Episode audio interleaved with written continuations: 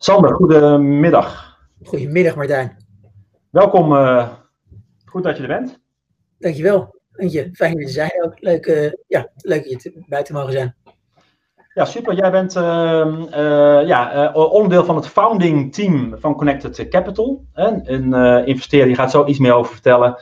En je bent zelf investment, investment manager. En je gaat zo meteen kort even vertellen wie, wat jullie, wie jullie zijn en wat jullie, wat jullie doen. Um, dus uh, laat ik daar maar mee beginnen. Dus mochten er geen vragen zijn, uh, stel ze bij questions. Hè, dan stel ik de vraag, kom ik daar een paar keer op terug. Vind je het leuk om die vraag zelf rechtstreeks aan Sander te stellen? Doe dat dan even via raised hand. Dan kom je, kunnen wij jou op podium even erbij zetten. Kun je vraag stellen en daarna ga je weer zitten in het publiek, zeg maar, maar dan virtueel. Sander. Helemaal goed, dankjewel Martijn. Mijn naam is Sander Pennings, eh, zoals Martijn al noemde, investment manager bij Connected Capital. Ik heb achtergrond in finance, uh, in, Londen begonnen investment banking en nu sinds tien jaar investeerder, waarvan de laatste vijf jaar echt B2B SaaS. Uh, binnen Connected Capital ben ik verantwoordelijk voor het vinden van nieuwe investeringsmogelijkheden.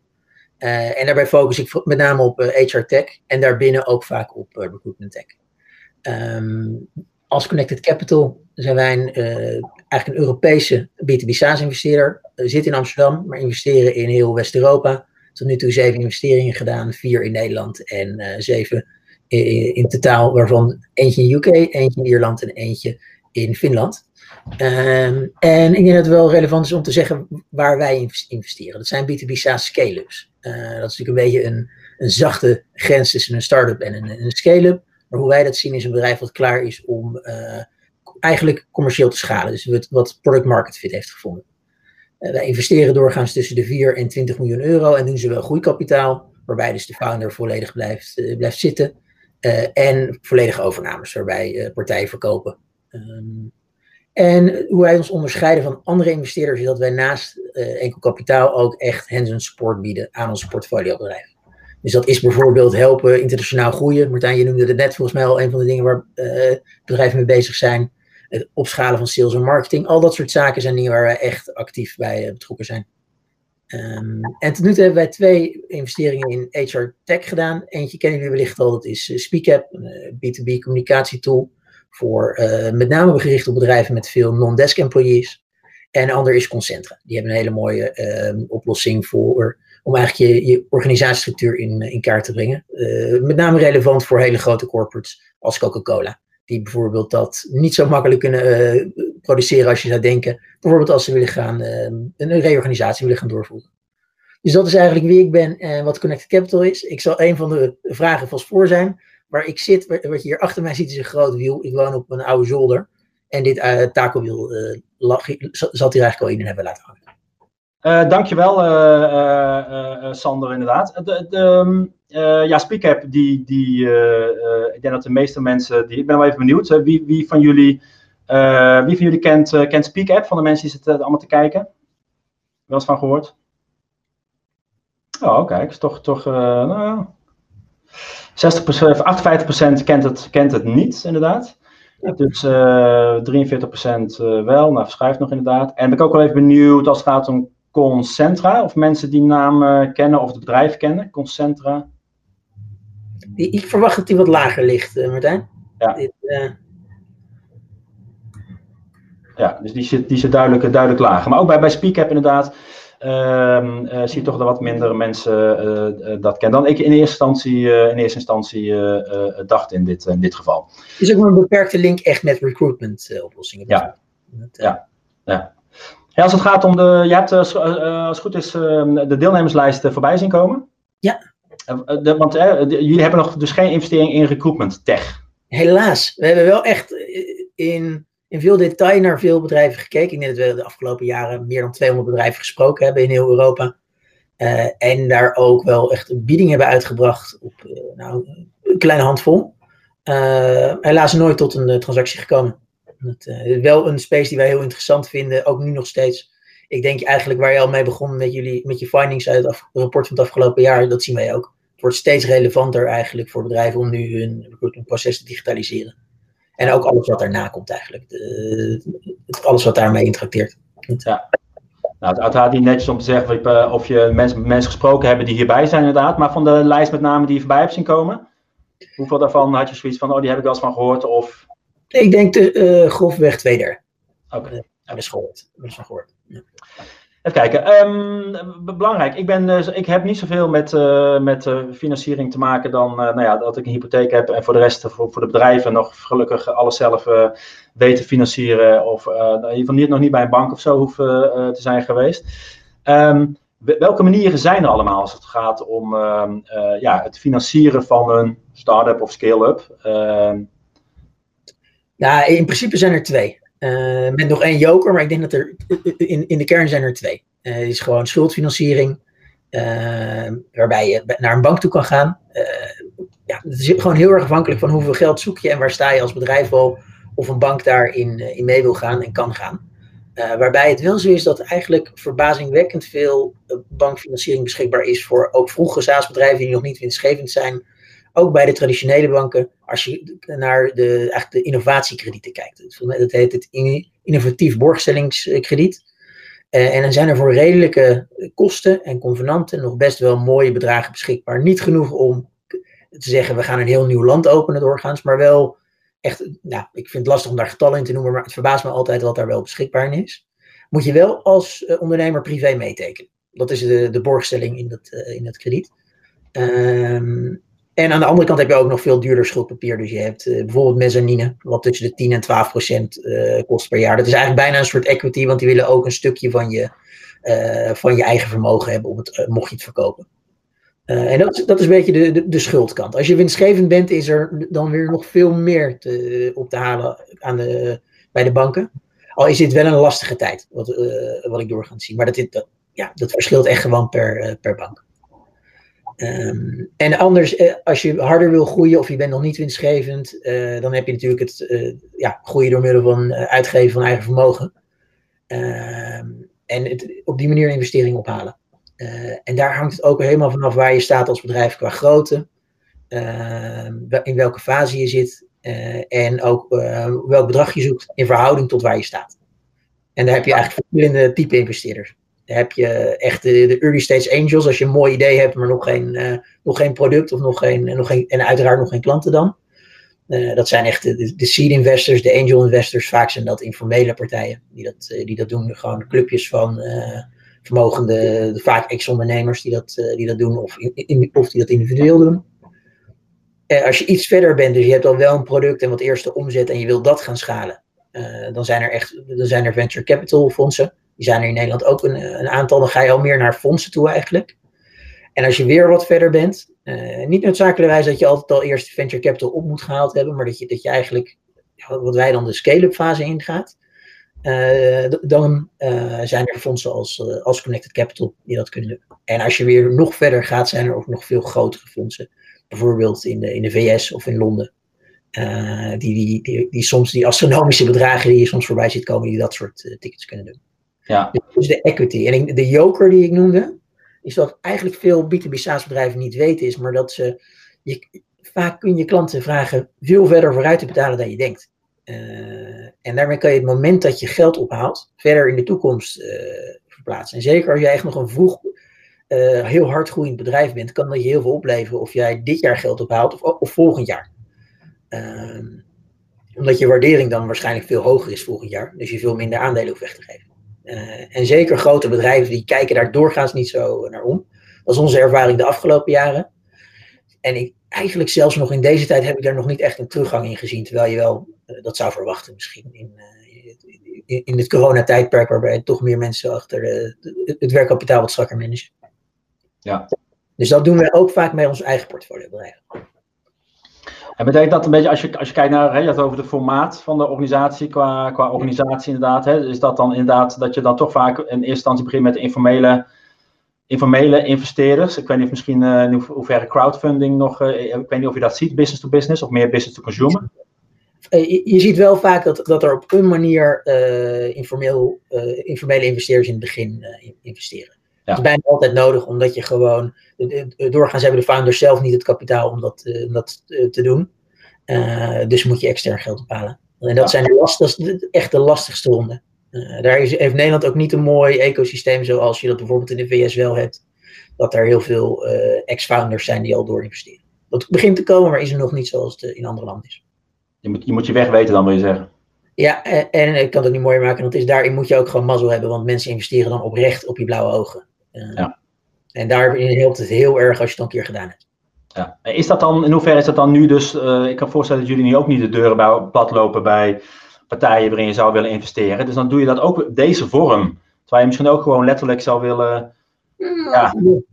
ja, en gek genoeg zijn we, we doen het in deze vorm en af en toe face-to-face. -face. Want je kan niet alle twee kanten van de tafel willen niet een investering doen zonder dat je elkaar gezien hebt. Dat kan, kan gewoon niet. Dat, uh, ik begrijp het vanuit de ondernemer volledig en ook vanuit ons werkt dat niet. Dus ik ben ook afgelopen zomer nog naar een aantal uh, partijen gevlogen binnen Europa. Omdat anders win je het gewoon ja, niet. en wij hadden daar eigenlijk, gek genoeg was het voor ons bijna een voordeel. Want daar concurreerden we met Amerikaanse fondsen en die konden niet komen. Dus ja, heel veel kan online, maar je moet gewoon echt wel elkaar in de ogen kunnen kijken en kijken, klikt het ook in, in persoon voordat je zo'n grote uh, beslissing als een investering maakt. Ja, ik wil even een, een vraag inderdaad. In hoeverre uh, heb jij eh, te maken gehad met jouw organisatie inderdaad al, hè, met, met, met, met externe financiering? Even belangrijk inderdaad, hè, want dat is natuurlijk ook gevoelige informatie. Wij kunnen niet zien waar jij op, op, op stemt, dus ik zet hem even, als jij zegt, ja, ik heb in het verleden wel eens gebruik gemaakt, of niet welke, welke vorm maakt niet uit van externe financiering, zeg dan ja. Heb jij gezegd, nee, tot nu toe nog geen gebruik van gemaakt, dan kun je, dan kun je nee, uh, nee aangeven. Dus uh, nou, het is bijna 50-50 bijna die aangeeft, we hebben externe financiering gehad of hebben dat nu. En um, ehm, 55% die dat, die dat niet heeft. En dan vraag ik me af, als jij dan zegt, ik, je hebt op een gegeven moment heb je, we moeten financiering aantrekken. Eh, bepaal je dan van tevoren al door te zeggen, nou, wat zijn dan de, welke type financiering wil ik al? Of, is dat, of ga je, ga je, zie je dat partijen er toch wel heel open ingaan? Of is het wel goed om van tevoren te zeggen, dat wil ik wel, dat wil ik niet? Ja, de, partijen die, die het goed voorbereiden, of die het goed doen, die hebben dat vaak wel goed, eh, goed doordacht van tevoren. En misschien niet gelijk van, ik, ik wil 5 miljoen van precies die investeerder, maar wel, ik wil tussen de 4 en 6 miljoen idealiter een miljoen van de bank en, uh, en 4 miljoen van een investeerder. En ik heb liever dat mijn investeerder in deze fase nog in dezelfde tijdzone zit, want ik heb, dat, dat werkt gewoon beter. Ik noem maar wat. Dat je gewoon al de contouren hebt. Uh, en dat is heel belangrijk wel qua voorbereiding. Uh, en en vaak ook dat, dat ze scherp hebben wanneer hebben we het nodig. twee kanten op je. Aan de ene kant wil, wil je nooit met je rug tegen de muur op geld hoeven halen. Aan de andere kant zijn er gewoon bepaalde momenten waarin je meer aan, het, uh, aan vers kapitaal op in het jaar dan andere. Uh, als je net voor de zomer heel veel geld ophaalt, is het misschien niet zo nuttig omdat eigenlijk je klanten op vakantie gaan voor drie maanden. Uh, dus daar moet je gewoon eigenlijk ja, op, op hoofdlijnen een, een goede planning op hebben. Nou, kun, kun, is, dat, is dat dan. ik moet zeggen, ik hoor dan nu hoor dat bij de KLM, hè, dat die nog geld heeft tot en met april, of weet ik niet, april, mei of juni, zoiets. Hè, en dan moeten ze misschien weer. ik denk dat, dat je, dat je ja, hoe, hoe ver van tevoren moet je dan ja. ja, dat is altijd een, een, een lastig punt. Eigenlijk hetzelfde als ik net zei. Idealiter het zo laat mogelijk voor je waardering. Want die, als je hard, ik, ik, ga nu uit meer van het, eh, de, de hardgroeiende SaaS, scale-up of, of start-up. Nog, nog echt vroeg. En dat maakt echt een groot verschil. Je, kan, je verdubbelt ieder jaar uh, wellicht. Dus dan het vergelijkbaar gaat je waardering mee.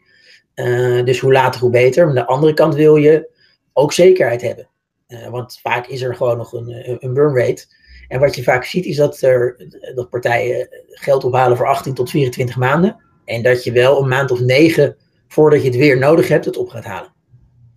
Omdat het gewoon, het zijn geen standaard processen die altijd slagen. Uh, en vaak wil je misschien ook wat, uh, wat wegen parallel uh, bewandelen. bijvoorbeeld een gedeelte bankfinanciering en een gedeelte eigen vermogen uitgeven. Hangt helemaal af van de fase waar je zit. Ja. Dus ik zou wel zeker, uh, nou, zes maanden is misschien wel het uiterste. Uh, en idealiter negen maanden van tevoren te gaan, gaan ophalen. Tenminste, de, de, gesprekken starten. Ja. Um, als als, als zo'n partij die dus investeert, hè, waar, waar, waar let je allemaal op? Wat zijn de zaken waar je naar kijkt? Ben ik, ben, enerzijds ben ik dan benieuwd naar de, de, harde, de harde criteria. Hè? Dus dat zal allemaal met, nou ja, weet je, ik ben, ik ben daar niet zo heel goed in inderdaad. Dus dat met ehm, liquiditeit en dat, weet je, dat soort dingen allemaal. En de, de, de, de, toekomstplannen, de omzetverwachting, weet ik veel, hoe, hè, waar je allemaal naar, naar kijkt. Maar ik kan me voorstellen dat er ook zachte zaken zijn die, ja, die niet te kwantificeren zijn. Wat, wat kun je daarover vertellen? Nou, ik denk echt, wij letten doorgaans op, op vier dingen. Uh, de, e-, eerste is eigenlijk het team. Dat is gek genoeg, nou niet gek genoeg, dat is gewoon het allerbelangrijkste. En het minst makkelijk te kwantificeren en te, te analyseren daarin. Maar dat moet, moet niet alleen een klik zijn met, uh, met ons als investeerders, maar het moet ook onderling uiteraard goed werken. moet ook klaar zijn voor de, de, volgende groeifase die er, uh, ja, waar, waar, je samen aan gaat werken. en dat is, de, dat is de belangrijkste erin. En door zo'n DD-proces heb je gewoon daarin beide de kans om elkaar te leren kennen. Uh, als het goed is, wordt er ook gewoon tijdens zo'n uh, boekenonderzoek, boekenonderzoek op ons gedaan. door, de, door de ondernemer zelf. Maar dat is het, eigenlijk het, het, belangrijkste erin. Verder ook het, uiteraard ook het bedrijf. En dan kijken we naar dingen als product. Is het klaar om internationaal te schalen? Wat is er voor nodig? Hoeveel technical debt is er? Al, al, dat soort zaken. Uh, maar ook hoe staat het ervoor met de sales- en marketingorganisatie? Uh, kunnen we dat, kun, wat werkt er hier, wat werkt er in een nieuwe markt? Al, al dat soort zaken gaan we dan gewoon in veel, veel detail in.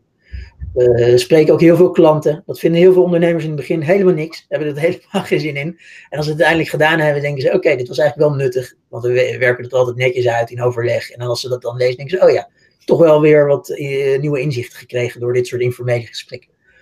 Uh, en daarnaast kijken we ook naar de markt. Uh, wat je vaak ziet is dat veel spelers, veel Europese SaaS-spelers, zeker in Nederland, die focussen op bepaalde niches. Hoe beschermbaar zijn die niches? Hoe zijn, die er ook in het buitenland? Wie zijn er daar actief? Al, al dat soort dingen. Um, en uiteraard ook in het groeiplan. Dat aan de ene kant moet dat aantrekkelijk genoeg zijn. Dat we, wanneer we dat realiseren, allemaal tevreden zijn. Dat we eventueel het bedrijf een vervolgronde op kunnen halen of, of kunnen verkopen. Uh, en dat het realistisch is ook. Dat het niet, uh, ja, uiteraard zijn het alleen maar hockeysticks qua uh, mooie prognoses die we altijd zien. Maar klopt dit? Want het raakt, stel je haalt het niet, kijk, dat, dat, zien we vaker, maar je haalt het helemaal niet. De kosten zijn er wel vaak. En hoe snel kom je dan in een liquiditeitsprobleem? En hoe kan je daarbij sturen? Dus we proberen daar wel samen altijd een, een realistisch plan neer te leggen. Je had het over dat team, hè? Is dat dan dat je. Ik, ik heb van andere partijen wel eens gehoord, de investeerders inderdaad, die dan ook uh, assessments doet met, uh, met, het, met het managementteam of de directie. Ja, dat doen wij niet op die manier. Omdat we, uh, ik, ik vind het ook echt een groot verschil dat veel van de, de, de, mensen in wie wij investeren zijn ook de oprichters van het bedrijf. het is niet dat we ooit dan gaan zeggen: Oh, je komt raar door uit het assessment. We gaan, je, je mag niet meer je eigen bedrijf daarin leiden. Dat is wat wij wel doen, maar niet, niet, niet in een assessment vorm, is gaan kijken, past dit team qua type persoonlijkheden bij elkaar? En uh, stel, er komt dadelijk een hele, uh, een, Amerikaanse salesleader bij die een heel andere stijl heeft. Hoe gaat dat er in, uh, in, in, werken? Dus dat is meer een soort soft assessment daarin. ja. Maar, ja. ja. Dat, dat, soort dingen zie je ook meer in een echt een private equity setting. die, en, en, wij doen dat soort transacties ook wel, maar niet, niet op die traditionele manier. Nee. Ja, je begint dus wel met dat team inderdaad. Maar ik kan me ook voorstellen als het een hele gave partij is. En je merkt toch, weet je wel, dat wil niet zeggen dat er 0,0 klik is. Want dan zul je het waarschijnlijk niet doen.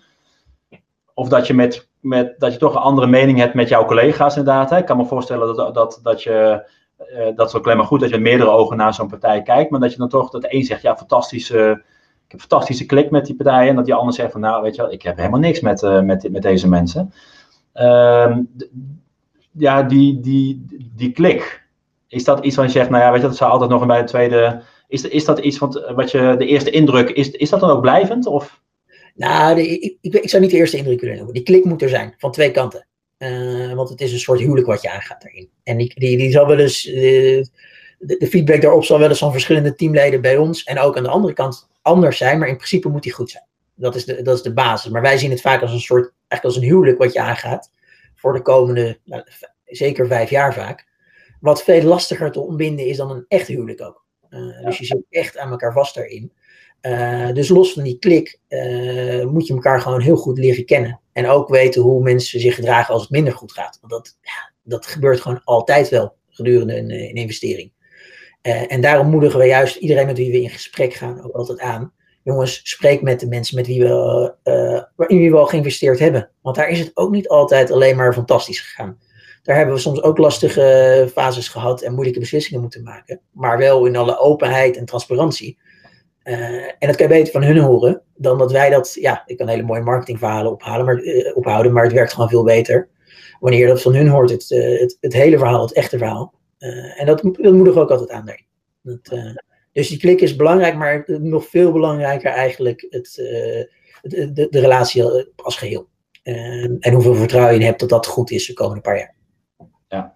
Hoe lang draai je dan een beetje om elkaar heen? Je zegt de proces duurt negen maanden inderdaad, maar als je dan op een gegeven moment, uh, kan me voorstellen, misschien iets van een shortlist hebt of zo. Je bent met meerdere partijen dan misschien als, als, als uh, uh, leverancier ben je mee aan het praten inderdaad. Hè? De, de, de boekenonderzoek en NDA's tekenen waarschijnlijk allemaal. Geen negen maanden duren hoor, maar ik, ik wil liever juist ook vandaag de, de lange prudente antwoord geven dan het, dan het korte antwoord wat ook kan. Kijk, het kan ook om drie maanden daarin. Ja. En negen maanden is meer vanaf jouw eerste idee van hé, hey, we willen geld, want we laten we bijvoorbeeld naar Amerika gaan of naar Duitsland, uh, uh, totdat het geld op de, de rekening staat. Het kan veel sneller. Ja. en ik denk dat een heel groot gedeelte gaat in die aanloopfase zitten. Het daadwerkelijke boekenonderzoek duurt vaak maar tussen de zes en, en acht weken. Ja. En op de intense fase, daar werken partijen als wij en ook onze collega's, die werken samen met specialisten daarin. Het is niet dat ik de codebase ga checken. Daar heb ik de ballenverstand van. Er zijn mensen die dat heel goed kunnen. Die doen dat een week, duiken er vol in, komen met allemaal ideeën. En die, uh, en, en, die zeggen, jongens, uh, dit is goed of dit is niet goed. Dat zeggen ze ook wel eens. Dat zeggen ze zelden, maar dat, dat hoort er ook bij. En hetzelfde doen we eigenlijk ook op, uh, op de, de, de, administratie, op, op juridisch en fiscaal alles klopt. en daarna spreken wij zelf veel met, met klanten. Maar daar proberen we altijd een hele korte, intensieve periode van te maken, van zes tot acht weken. En ik weet dat dat misschien vanaf de andere kant niet zo voelt als kort, maar dat is echt uh, snel. Ja. En daarna is het juridisch uitwerken van wat we al afgesproken hebben doorgaans. Dus dat is uh, veel advocatenbelletjes, maar uh, geen, doorgaans geen grote nieuwe afspraken. Ik ben even benieuwd, als er vragen zijn, zet ze bij questions erin. Dan stel ik de vragen aan, uh, aan Sander. Uh, vind je het leuk om die vraag zelf aan Sander te zeggen? Dan kun je bij Raised Hands klikken. En dan kan ik jou op het podium even laten aanschuiven. Um, en ik ben ook wel benieuwd inderdaad, hè, of, of er dus nu onder de kijkers mensen zijn die zeggen, ja, ik heb zelf, als het gaat, zelf ook meegemaakt dat die klik belangrijk is. Of dat misschien voor jou wel een reden was, maar uiteindelijk nee tegen een een investeerder te zeggen, inderdaad, omdat uh, die wel wilde, maar jij gewoon voelde dat het niet de klik was of niet dezelfde pad op, uh, op ging. Uh, dus ik weet niet of je dat dan plenair wil doen of dat je zegt van nou dat of via questions en dan noem ik jou, noem ik jou, noem ik jouw naam niet. even kijken, ondertussen gaat, dat is het leuke van als je vanaf thuis dit doet inderdaad, hè, gaat de bel van de Coolblue bezorger als het goed is, wordt er, uh, wordt er uh, door mijn vriendin open, open gedaan. En die ziet mij nu beneden hier voor het raam. Kan naar binnen kijken om te zien dat ik hier sta. Um, hij ziet mij, dus hij denkt, waarom doe je niet open? Um, ik zie nog geen vragen binnenkomen. Um, die uh, wat ook interessant vind. Je leest ook heel veel over start-ups, scale-ups inderdaad. Hè? Maar wanneer, wanneer wordt een start-up, scale-up is daar iets over te zeggen? Is daar een soort... dat, staat niet op Wikipedia, laat ik het zo zeggen. Er is geen harde definitie voor. Uh, wij hebben er zelf wat op bedacht, maar het is uh, omdat wij, zijn, wij zien onszelf als scale-up investeerders, niet als start-up investeerders. En hoe wij het zien, is bedrijven die echt product market fit gevonden hebben. Die gewoon klaar zijn om commercieel te schalen. Dus dat wanneer een partij als wij investeert, dat het gros van het geld geïnvesteerd wordt in het uitbouwen van de sales- en marketingorganisatie. Uh, en dat is gewoon lastig om daar een uh, harde metrics aan vast te plakken. Waar, waar, wij naar, vaak naar kijken is bedrijven met meer dan 2,5 miljoen uh, recurring omzet per, per jaar. En meer dan 25 klanten. En dat is maatwerk. Dus dat is niet dat het altijd zo is en dat het dan klopt. maar dat is grofweg hoe wij dat, hoe wij het zelf definiëren. Ja.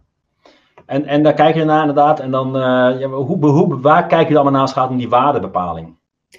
Ja, dat verschilt ook wel heel erg per fase van het bedrijf. Als we kijken naar bedrijven die heel hard aan het groeien zijn, maar nog niet winstgevend zijn, omdat ze vaak alles wat ze aan winst zouden maken door investeren in de groei, dan kijken we naar de omzet. Gewoon een multiple van de omzet. Als we kijken naar winstgevende bedrijven die al wat stabieler zijn, veel volwassener, uh, dan kijk je uiteraard naar, de, uh, ja, naar een multiple van de winst. We kijken dan vaak naar de EBITDA. Dus de, de winst voor afschrijvingen. Ehm, en uh, ja, dat, dat is een beetje waar de multiples dan op, uh, op gaan. En dan is het heel, gewoon heel erg afhankelijk van hoe groot is een bedrijf uh, en, en wat is de performance. en zowel op groei, dus omzetgroei, als op winstgevendheid. Een mooie leidraad daarvoor vinden wij wel de Rule of 40. dat is eigenlijk opgeteld je, je, je jaarlijkse omzetgroei bij je EBITDA-marge. Dus stel je hebt een EBITDA-marge van 20% en je bent 20, jaar, 20% gegroeid afgelopen jaar, dan zit je op 40%. Dat, dat zeggen ze eigenlijk, bedrijven vanaf die score zijn heel aantrekkelijk en verdienen een mooie multiple. Wat die multiple is, verschilt gewoon echt per de grootte van het bedrijf, per locatie, al dat soort dingen. Uh, maar dat vinden wij wel een mooie, ja, gewoon een mooie leidraad daarvoor. En zo kijken wij vaak ook naar verschillende investment opportunities. Dus als wij bedrijven vergelijken, kijken oké, hoe scoren ze daarop? Uh... Ja, ik heb een vraag gesteld. Ik ben even benieuwd of er uh, kijkers zijn die in 2021, of misschien nu al mee bezig zijn, inderdaad aan het kijken zijn uh, naar ehm, externe financiering. Nogmaals, het is, het is anoniem. Um, ben je dus nu, of ga je ermee starten, negen maanden van tevoren, zes tot negen maanden van tevoren? Of is dat iets waarvan je zegt van nee, dat speelt, dat speelt bij ons, speelt bij ons, bij ons niet? Kijk, het precies 50-50-50. Gaat er iemand de doorslag geven? Nee, we gaan toch naar meer mensen nee inderdaad. Maar er zijn best wel veel partijen mee, mee, ehm, mee bezig. Is, is dit dan, uh, uh, begint dan echt letterlijk, uh, iedere zoektocht begint natuurlijk daar waar je ook zoekt naar een vakantiehuisje of een nieuwe telefoon of, of whatever. gewoon via Google ga je gewoon eens een beetje rond googelen. Is, is dat er over in ieder geval, dat, dat zit wel in het proces, los even van het netwerk, omdat je nee, is, niet meer. In het begin ja. En toen wij net begonnen, wat je zei, ik, ik, zit eigenlijk vanaf het begin bij Connect Capital. En toen hadden we een koffiezetapparaat en een printer, ja. Maar inmiddels hebben, zijn we wat verder ontwikkeld. Hebben we eigenlijk een heel mooi eigen sourcing systeem gemaakt. Ik denk zoals veel partijen hier ook de, de markt bewerken. Dus gewoon met ja, hele mooie software die we dan zelf ontwikkeld hebben. Waarbij we hele lange lijsten hebben met bedrijven in bepaalde industrieën. Uh, en die tracken we gewoon over de tijd heen. Dus dat kan je, van LinkedIn kan je hele mooie data halen. Dus vaak zijn we heel gericht aan het zoeken naar eh, bedrijven uh, binnen bepaalde segmenten die we interessant vinden. En ook als we mooie ontwikkelingen daar zien. Dus als je ziet dat bedrijven hard groeien, dat kan zijn op website visitors, dat kan zijn op, op LinkedIn, aantal werknemers, al dat soort dingen. Ja. En dan, ik van even de Next Web, hè? Dus angel.co, is dat van de Next Web of? Uh, dat zou kunnen. Die hebben inderdaad een eigen platform. Maar dat is eigenlijk, uh, daar kun je ook.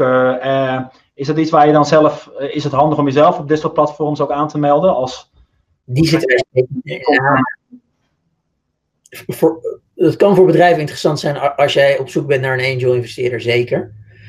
ik denk dat het misschien nog wel veel relevanter is om te kijken welke mensen je in je netwerk hebt die een angel investeerders aan boord hebben gehaald om eens met hun te, te spreken. Ja. Want uh, dat is misschien wel de lastigste ronde van de drie die ik net noemde. Uh, en het is gewoon ook heel goed om te weten wie je aan boord haalt. Uh, want sommige zijn heel professioneel eigenlijk, dat zijn bijna een soort fondsen. Maar dat zijn dan één of een clubje van angel investeerders. En andere zijn dat minder. En die kunnen bijvoorbeeld ook niet door investeren en die gaan dan voor een vervolgronde liggen. Uh, en dan is het gewoon heel goed om te weten wie je aan boord haalt daarin. Volgens mij is die wereld ook niet zo groot dat je daar een, in Nederland een angel list uh, of, of, iets dergelijks voor nodig hebt. Um, en er zijn ook, dat is misschien ook wel interessant om te weten, er zijn ook hele specifieke SaaS angels, bijvoorbeeld uit Duitsland, die ook in Nederland investeren. Uh, en dat zijn echt hele profession, ja, professionelere investeerders dan ik uh, vaak in Nederland zie in die fase. Ja, en die kunnen jou dan weer meenemen in Duitsland introduceren. En, uh... Bijvoorbeeld, ja. Ja, ja. Um, ik, heb, ik, heb, een aantal stellingen, waar ik even benieuwd naar. Um, uh, ja en nee. Uh, de vrouw en vent is de tent. De vrouw of vent is de tent. wat mij betreft in de fase dat wij investeren niet meer. Investeerders willen altijd 51% van de aandelen. Nee. zal ik hem toelichten of. Ja, ja, nee. ja. Even kijken, informele investeren is altijd beter dan een formele. Eigenaren schatten altijd de waarde van een bedrijf te hoog in. Niet altijd, nee. Oké. De, de vrouw of vent is de tent. Was dat een beetje bij het team waar je zei, kijk, kijk als eerste toch naar, naar, ergens naar het team, maar omdat wij met scale-up zitten, zit er misschien al een CEO op en niet meer de, de, de, de, de, founder? Of? Ja, en vaak ook, ja, dat is, dat is dan, e-, één ding daarvan is dat het vaak founding teams zijn. Uh, je ziet tegenwoordig in ieder geval veel meer een, een tandem, vaak een, uh, meer een business en een tech founder. Maar hoeft niet altijd die samenstelling te zijn, maar meer een, uh, een founding team dan eentje. maar los daarvan, ook die zijn doorgaans in de fase wanneer wij investeren, wanneer er 25, 30 mensen zijn, niet meer de tent. Ze zijn we heel belangrijk, ook voor het groei en voor de cultuur die je in een bedrijf wil houden, maar zijn niet meer leidend voor, voor alles. Als een van de twee zou wegvallen, kan dat doorgaans opgevallen, opgevangen worden. Zij het intern, zij het extern. Volgens mij, ja, volgens mij zijn er, maar er zijn meer, denk ik, investeerders in startups die, die zeggen dat ze nooit in een start-up investeren als er maar één founder is. Uh, zo stringent zitten wij er niet in. Nee. Uh, ja, er zijn partijen die dat noemen. ik heb nooit hun portfolio nageplozen of dat inderdaad echt zo is bij deels. Ik denk oprecht niet dat ze daar uh, het, het, perfecte bedrijf laten lopen. Want er zijn hele mooie voorbeelden ook met één founder. Dus dat, ja. Investeerders willen altijd 51% van de aandelen. Ja, dat is uh, zeker niet voor goede investeerders uh, het geval. Uh, misschien als jij je bedrijf verkoopt dat dat zo is, maar doorgaans is dat niet zo. Het is wel zo dat investeerders in alle fases bepaalde beslissingsrechten willen hebben. En daar hebben ze echt geen, hoeven ze geen 51% van de aandelen voor te hebben. Hoeven niet veto's te zijn, maar er kunnen gewoon hele be belangrijke dingen zijn, zoals ja, grote strategiewijzigingen, verkopen van het bedrijf, dat soort dingen. Dat ze er altijd een inspraak op kunnen hebben. Ja. Even kijken, informele investeren is altijd beter dan een formele investeren. Nou ja, dat, misschien voor de eerste fase dat je er bijna genoodzaakt bent om voor een informele investeerder te gaan. Dus voor die angel fase, maar voor die venture fase en die, laten we zeggen, de scale-up fase is dat niet zo. Uh, en eigenlijk is dat vaak ook niet beter. Omdat je gewoon bij een formele investeerder weet je meer waar je aan toe bent. Dan weet je dat er nog geld is uh, dat hiervoor uh, gealloceerd kan worden. Wat het proces daarvoor is. Ja. En er zijn hele goede informele investeerders hoor, maar als je zou moeten kiezen, zou ik voor een formele gaan. Ja, ja. zeker als je natuurlijk iemand echt kent uit je eigen netwerk en ja. het gaat niet goed of iets dergelijks, is het natuurlijk best wel, uh, best wel lastig inderdaad. Dus dan kun je misschien beter maar formele hebben, dan is het maar zakelijk en uh, ja. ja. dan is het maar zakelijk. En eigenaren schatten altijd de waarde van een bedrijf te hoog in. Nee, uh, het hangt er vanaf. de meeste, als ik het vraag, hebben geen schatting. En uh, het is ook heel lastig voor een, uh, een SaaS-bedrijf in Nederland om het, om het juist in te schatten. Uh, de, de, verhalen eromheen zijn vaak wel een beetje te hoog qua multiples. In ieder geval, laat ik het anders zeggen, andere multiples dan wij betalen. Of dat te hoog is of niet. Als een andere partij die het wel betaalt, was, is dus niet te hoog. Maar dat zien we zelden. het is omdat veel wat, wat de kranten haalt, zijn de grote rondes in de VS. Die hele hoge waarderingen hebben. Die je dan op Crunchbase of, of dat soort media ziet. Maar wat ze daar. Ja, er zijn wel grote verschillen met uh, Europa en Nederland. Zij het alleen al op grote. Dat zijn vaak veel grotere bedrijven. Uh, dat zijn vaak ook, en dat zie je niet in die kranten staan, hele agressieve terms. Waarbij je eigenlijk je bedrijf. Uh, je gaat gewoon een soort hit or miss scenario in. waarbij je als, als het goed gaat, als founder heel veel geld krijgt. Als het iets minder gaat dan je plan, krijg je al bijna nul. Omdat het gewoon hele agressieve terms zijn die daar vaak afgegeven worden. En in de VS kan je veel sneller groeien als SaaS-bedrijf. Is gewoon één markt. Uh, kan je veel efficiënter schalen dan dat je in Europa gaat, waar je een head of Germany nodig hebt, een head of uh, Spanje, een head of Portugal uh, en overal lokale mensen. Dat, dat raakt gewoon je, je customer acquisition cost en daarmee je winstgevendheid. Ja. Uh, een heel lang antwoord op niet altijd. Ja, okay, heel goed. Ik ben even benieuwd uh, voor de kijkers inderdaad. Hè? Zeker ook de partijen die daar misschien nu in zitten of in het verleden hebben gezeten. En welke tips heb jij voor, voor anderen van ons zitten te kijken en bezig zijn met wellicht externe financiering? van waar je op moet letten bij, bij ja, investeerders inderdaad. Hè? heb jij nog, nog tips? Die, die, die vraag zal ik ze ook stellen aan, um, aan, ja. aan, aan Sander inderdaad. Uh, en Sander, hoe, hoe, hoe, heb jij nog, het, het, het, voordat we gaan kijken naar die tips die jij nog hebt, hè, inderdaad, uh, uh, als het gaat om ehm, eh, waar, waar bedrijven die nu zitten kijken, waar ze op moeten letten. Ehm, hoe word je als ondernemer een investeerder?